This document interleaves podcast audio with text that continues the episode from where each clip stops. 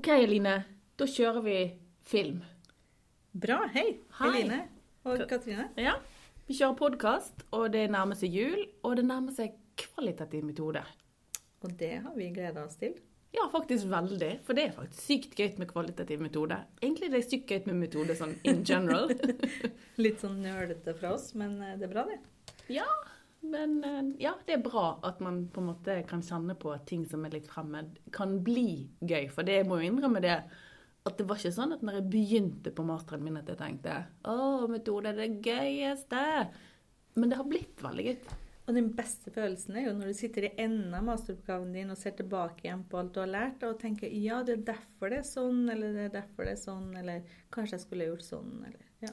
Ja, for den prosessen som jeg vil tro de fleste av våre studenter står i litt nå, det er det som, eh, hvis jeg skal beskrive for noen studenter, at da starter de med målstreken. Eller ikke med mål, starter ikke med målstreken, det var jo helt feil. De starter på startstreken, og så skal de nå mål. Og da tenker vi ofte at det er en rett linje.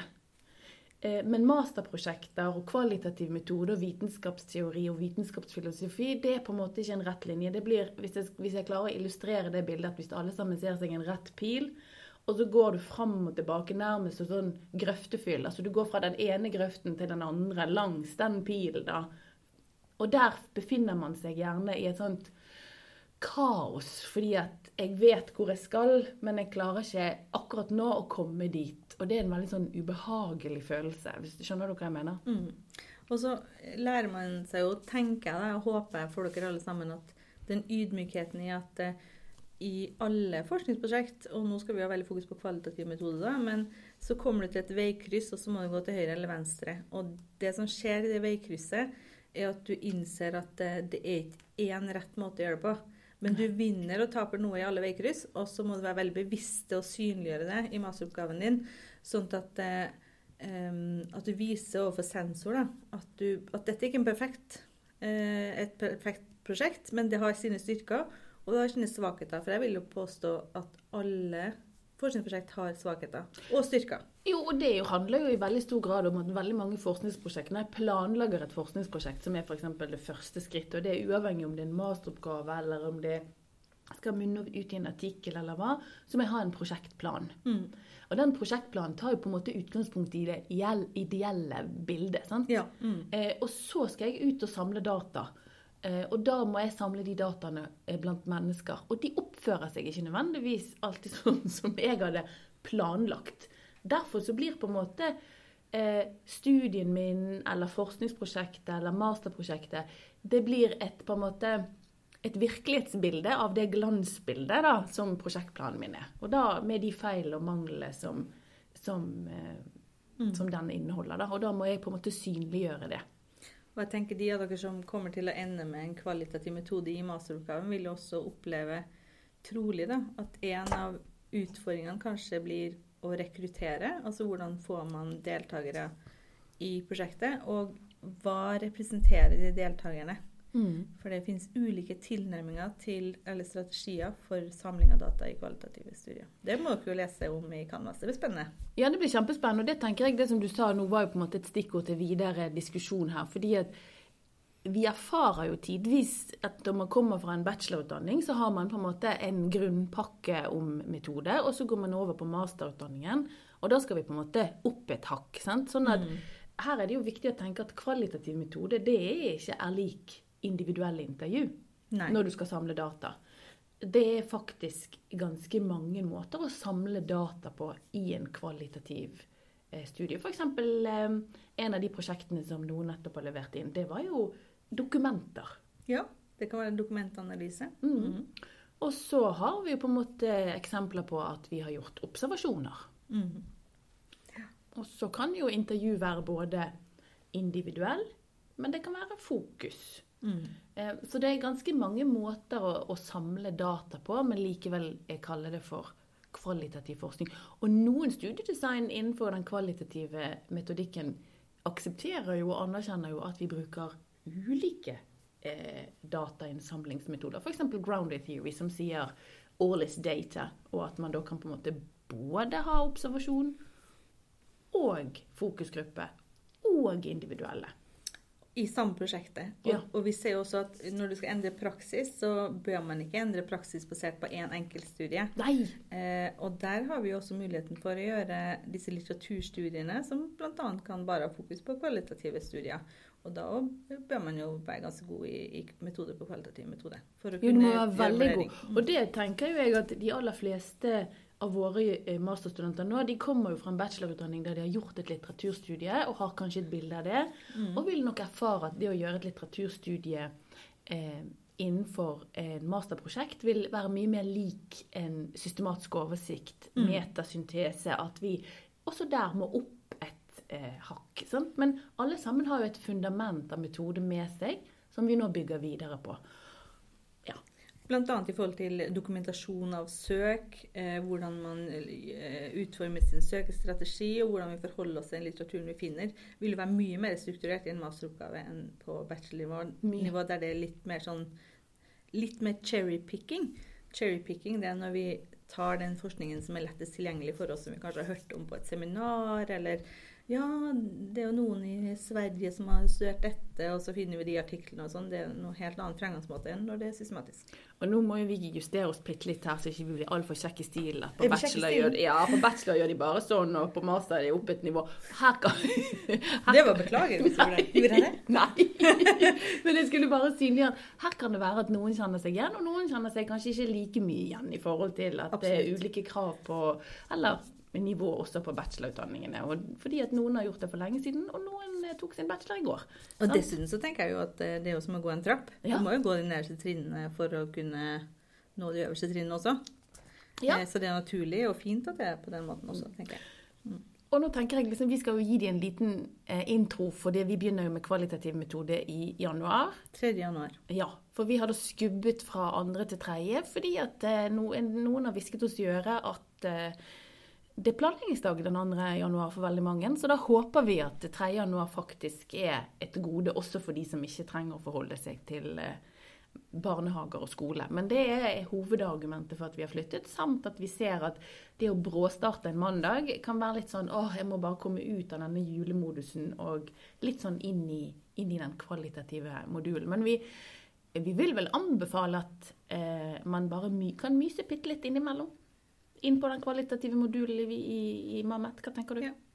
Nei, jeg tenker at det er et, eh, et eh, godt tips. Og så tenker jeg å understreke at det er artikkelseminarene som er de obligatoriske. Mhm. Og det første møtet som vi har, det er en videokonferanse som er noe annet. Ja. Eh, En videokonferanse som er den 3. januar. Det, der vil vi ikke undervise dere, men vi er tilgjengelige for å diskutere elementer som dere har forhåpentligvis satt dere inn i i Canvas eh, før møtet. Eh, og så vil vi diskutere det kommende artikkelseminaret, det første vi skal ha, da, artikkelseminar 1, som vi har satt opp den 11. januar. Ja, for vi har skubbet litt på den også. Ja. Og det er egentlig fordi at eh, det ble samtidighetskonflikter i våre liv, eh, Eline. Sånn at vi måtte skubbe på den. Så eh, vi legger oss eh, for så vidt flate, men håper at eh, denne gjensidige fleksibiliteten er en styrke. Ja. Eh, og skal vi snakke litt om artikkelseminar 1, eller? Ja, det kan vi godt gjøre, men før vi starter, så bare vil jeg si bare én ting. Å tenke på at det å lese metode, og det å lese kvalitativ metode det, kan vi ha, det er mange av oss som har sånn 'i dag skal jeg lese', og så setter man seg ned klokken ni, og så skal man lese til fire, f.eks. Det kan hende at metode noen ganger kan være smartere å lese litt sånn 'Jeg leser en time nå, jeg', og så tar jeg meg en liten pause. Og så leser jeg en time i morgen. Fordi at det er et ganske sånn Det er litt mer tungt, litt mer komplekst. Litt mer sånn eh, Det er ikke like intuitivt alltid at man må lese den samme tingen flere ganger. Eh, og så vil jeg anbefale dere å, å diskutere. Diskutere mye med hverandre, og så bruke diskusjonsforumet som vi har laget til Line. For vi vil være tilgjengelig i det diskusjonsforumet, også mellom jul og nyttår. Ja, og det som vil være eh, aktuelt for dere både i kvalitativ og kvantitativ metode, som kommer senere, er forskningsetikk og personvern.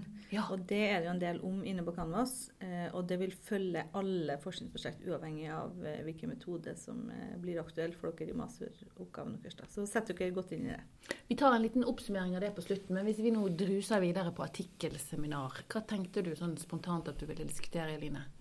Jeg ville si at dere er åtte grupper.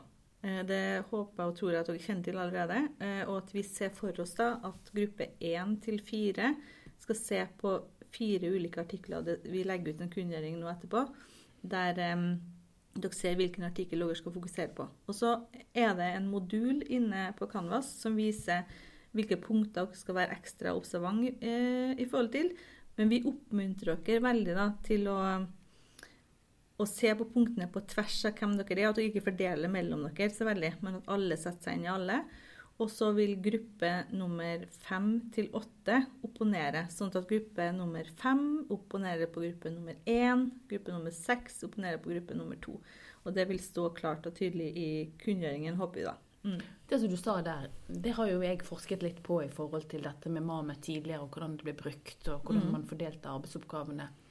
Eh, og det som studentene sa, og som vi fant i våre eh, analyser, det var at de studentene som på en måte samarbeidet om alle delene av en oppgave, de knakk koden for eh, eh, metode bedre eh, og hadde en større grad av dybdekunnskap enn de som på en måte gjorde sånn som du sa. Du tar den ene delen, og så tar jeg denne delen. Og så hadde man på en måte ingen kommunikasjon.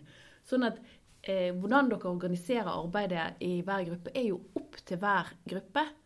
Men vit at eh, alle elementene i hver oppgave er noe som den enkelte student er helt avhengig av for å kunne klare å gjennomføre masteroppgaven sin. Så det er jo bare et spørsmål om når skal du gjøre den jobben.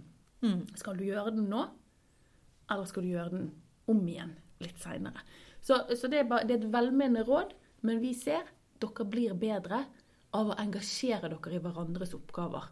Og, og med det mener jeg at hvis Eline har fått eh, hovedansvar for gruppe, oppgave 1, eller del 1 av oppgaven, og jeg eh, er på gruppe med Eline, og du spør meg, Eline, om jeg kan se på det du har skrevet, og jeg sier nei, vet du hva, det der går helt kjempefint, så skaper det også en kanskje frustrasjon og uro, for det du ikke Dere kjenner jo kanskje på at dere ikke eier tematikken helt, og da er det litt deilig å dele eh, kunnskap med hverandre. Og så for at den eh, gruppen som skal være opponent skal gjøre en eh, god jobb der, da, så tenker vi at det er veldig viktig at den gruppen også setter seg veldig inn i artikkelen. I tillegg til at de setter seg inn i artikkelen, eh, så vil det være tilgjengelig den powerpoint-presentasjonen som gruppen som skal legge fram, har laget. Men det er ikke nødvendigvis sånn at det er utfyllende informasjon i den, for det skal jo komme muntlig på selve artikkelseminaret. Så dere må være forberedt på at dere skal kunne opponere litt ut ifra det dere hører, da, ikke bare ut ifra det dere leser. Og så tenker jeg et opponentskap, det å være kritisk eh, til andre. Altså det, det, det er noe negativt ladet i det ordet å være kritisk. Men man skal jo være konstruktiv kritisk. Sant? Det betyr at jeg kan si at eh, du hadde en veldig bra presentasjon, Eline, men jeg stusset litt på dette. Hva mente dere med det? Eller her kunne man kanskje gått mer i dybden. Um, framfor at jeg kunne sagt um, eh, Det var en veldig fin presentasjon, Eline. Og så fint bilde. Vel, jo, men det var det jeg skulle si. Og jeg likte veldig godt bildene du hadde. Og så eh, kunne du kanskje byttet fra svart til blå. Det, så husk på det. Hva trenger dere for å bli bedre? Og at det å være konstruktivt kritisk handler ikke om slakt, men handler om å påpeke at ja, det var bra, men kanskje du kunne, eller kunne det vært lurt å gjøre noe annet? Og så tenker jeg den neste leddet er For én ting er jo å gi veiledning. Det syns jeg er fryktelig vanskelig noen ganger. For det er jo det vi egentlig ber studentene om å gi veiledning til hverandre. Og det gjør vi fordi vi har eh, undersøkt og lest at det øker læringen. Dette er ikke noe vi gjør fordi at ikke vi gidder å gjøre det sjøl. og så er det noe med at eh, det å ta imot Isteden. For veldig ofte hvis, hvis, eh, hvis jeg på en måte ber min mann om å gi meg en tilbakemelding, og han er ikke enig med det jeg har skrevet, da er jo han egentlig litt teit. Så kan jeg gå mye mer i forsvar. Men husk på liksom at ikke gå i forsvar, bare lytt og ta imot. Og så kan jeg velge om jeg er enig med det du sier til meg, Eline, eller ikke. Men jeg tar det med meg istedenfor å gå Ja, men jeg har gjort det fordi. Sant? Eh, det er greit at du har gjort det fordi, men bare tenk. Ta imot, og så noter. Og så tenk hvis noen sier at 'jeg syns det var litt uklart', så kan, du, kan jeg tenke ja, det var veldig merkelig, for det er veldig klart for meg. Eh, men det er veldig ofte veldig klart for meg, det jeg har skrevet. Så ta det til dere at OK, kanskje jeg kan bli enda mer presis. Og Og så har vi en forventning om at alle skal legge fram noe på artikkelseminarene. Både som de som legger fram, og de som opponerer. At ikke én student som tar på seg ansvaret for å opponere. Det skal alle i gruppen gjøre. Ja. Eh, og så utfordrer vi dere litt på det. da, At hvis det kommer et spørsmål fra en opponent, at ikke nødvendigvis den som har lagt fram akkurat den delen, som må svare. Det kan også være en annen student i gruppa. For da viser dere at dere har satt dere inn i bredden av eh, de utfordringene som er eh, beskrevet for artikkelseminar 1. Mm. Vi skal også bruke akkurat de samme artiklene når vi kommer til artikkelseminar 2. Ja. Sånn at eh, de som da setter seg inn i, i artikkelen og er opponenter, de vil oppleve at de har god nytte av det også for at de skal legge fram fra samme artikkel i neste artikkelseminar. Ja, og med det så mener du jo at når gruppe 1 har fått den artikkelen som de har fått, og gruppe 5 skal opponere mot den, Ja. så er det de to gruppene som, som bytter på en måte lag. Ja. eller, eller opp funksjon neste gang. Sånn at eh, vi lager ikke Det er ikke sånn at vi roterer på artiklene. Gruppe 1 og 5 vil forholde seg til den samme artikkelen på begge artikkelseminarene. Akkurat det jeg mente. Noter. Eh, Så tenkte jeg, skal vi avslutte litt sånn bare med en, en, en Med en oppsummering av, eh, av eh, eh, forskningsetikk. Det kom, Ja. holdt på å komme noen inn her, så jeg måtte bare jage de ut. Jeg bare observerer og sånn Hva som skjer nå? Kommer julenissen? Det var noen rare gestikuleringer her, og lyder. Men, men forskningsetikk og eh, Personer. ja, og, og personvern Jeg tenker at må, de må tenke på dette med regionaletisk komité, NSD, som nå heter SIKT. Mm. Eh, også dette med informert samtykke. Mm. Eh, sant? For det, grunnen til at jeg sier det, er jeg syns ofte mange snakker om at ja, vi skal ta hensyn til eh, deltakerne ved at vi skal på en måte sitte i et fint miljø, og, og de skal få lov til å trekke seg når de vil. Og alle disse tingene er helt riktig. Men jeg kan ikke samle én data, jeg, før REC eller NSD slash SIKT har godkjent studien. Eller i hvert fall har vurdert den. Ja. Ja, Ja, har vurdert den. Mhm. sant? Liksom begynn, begynn i riktig rekkefølge. Mhm. Ja, altså, du har helt rett. Vi snakker jo om godkjenninger fra disse eh, Organ. ja, Hva skal man kalle de? Ja, eh, men det de gjør, jo en vurdering av prosjektet. Mm. Um, ja, og så har HVL faktisk eh, tilgang til et eh, personvernspill. Ja. For de som er interessert i å prøve det. Vi kan vel legge det ut? Ja, det kan vi gjøre. Ja. Eh, Det syns jeg er veldig gøy. Eh, Og eh, hvis dere har lyst til å utfordre meg, som også er med der, så kan dere gjøre det. Skal jeg legge personvernspillet ut i diskusjonsforumet, kanskje? Vi kan legge det ut i diskusjonsforumet. Sånn at vi tvinger det inn litt inn der. Ja, og der får du sånne poeng og sier sånn tuddeludut. Så det er sånn belønning som jeg liker. En liten hund. Ja. Ja. Mm. Men husk på at det med forskningsetikk eh, og personvern, det vil være gjennomgående for all forskningsmetode, både kvalitativ og kvantitativ metode. Og det er egentlig hele premisset for at vi kan få gjennomføre noe som helst av det vi, vi gjør. Så det er Invester også i den modulen. Sett dere inn i hva er det REC faktisk gjør, og hva er det SIKT-NSD gjør. Og ikke minst se på de forskningssidene som ligger på HVL. For vi har en egen forskerserver. Hvorfor har vi det? Hvor skal dere lagre data? Kan dere lagre dataene på en laptop, f.eks.? Som ikke er passordbeskyttet? Altså, tenk litt på og hva er, hva er egentlig anonyme data? Og hva er avidentifiserbare data? Og ikke minst, hva er indirekte identifiserbare data? Mm. tenk litt på de tingene der. For det, av og til så tror vi at «Å, men det er helt anonymt. Og så kan plutselig Å ja, men det står jo dato der. Og så står det kjønn. Så står det alder. Jaggu meg står det hva fylke hun bor i òg. Plutselig så har jeg liksom veldig mange informasjonsvariabler som på en måte Å, det er jo Eline Vik! Sant? Ja. Så husk på det. Eh, Så det er veldig viktig. Ehm, Sett dere inn i forskningsetikk og personvern. Mm. Også kvalitativ metode. Men, Og kvalitativ metode. men begynn først nå litt forsiktig. Begynn litt med hva er kvalitativ metode? Mm. Og hva er på en måte, hva er på en måte Hvordan rekrutterer vi? Hva er populasjon, og hva er utvalg? Og, og når dere skal se på disse artiklene, hva er hensikten med studien? Eh, og tenk på hva er aimet opp mot hva er faktisk forskningsspørsmålet her? Hva kan, sant? Liksom, hva er utfallsmålet? Hva er det de har tenkt at de vil ha svar på? Mm. Sant? For det blir helt sentrale spørsmål for egen masteroppgave. å Mm. Og brekke det ned til liksom eh, den, den liksom ene tingen vi vil lure på. Og hvorfor er av og til forskningsspørsmålet så smalt? For det, er ikke, for det er kanskje ikke så lurt å svare på alt. Det vet ikke jeg. Nei, god refleksjon. Jeg vil legge til i forhold til eh, personvern eh, og forskningsetikk at kanskje det Jeg syns at studenter blir mest overraska over hvor omfattende det er, Ja. og hvor tidkrevende det er. Så eh, tenk også på det i forhold til eh, at eh, litteraturstudier gir mye større frihet i forhold til tid.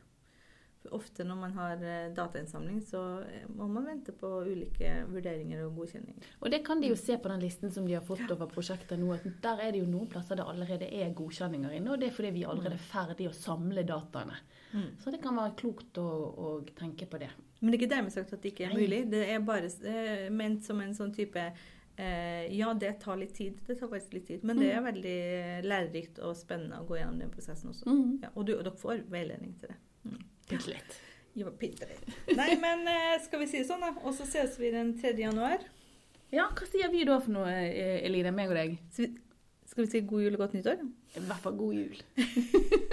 Hva ville du si nå? Ann? Jeg vil- nei, jeg vil- Ses vi i diskusjonsforumet? Ja, det er det jeg mener. Men god jul. Én, to, tre. God jul!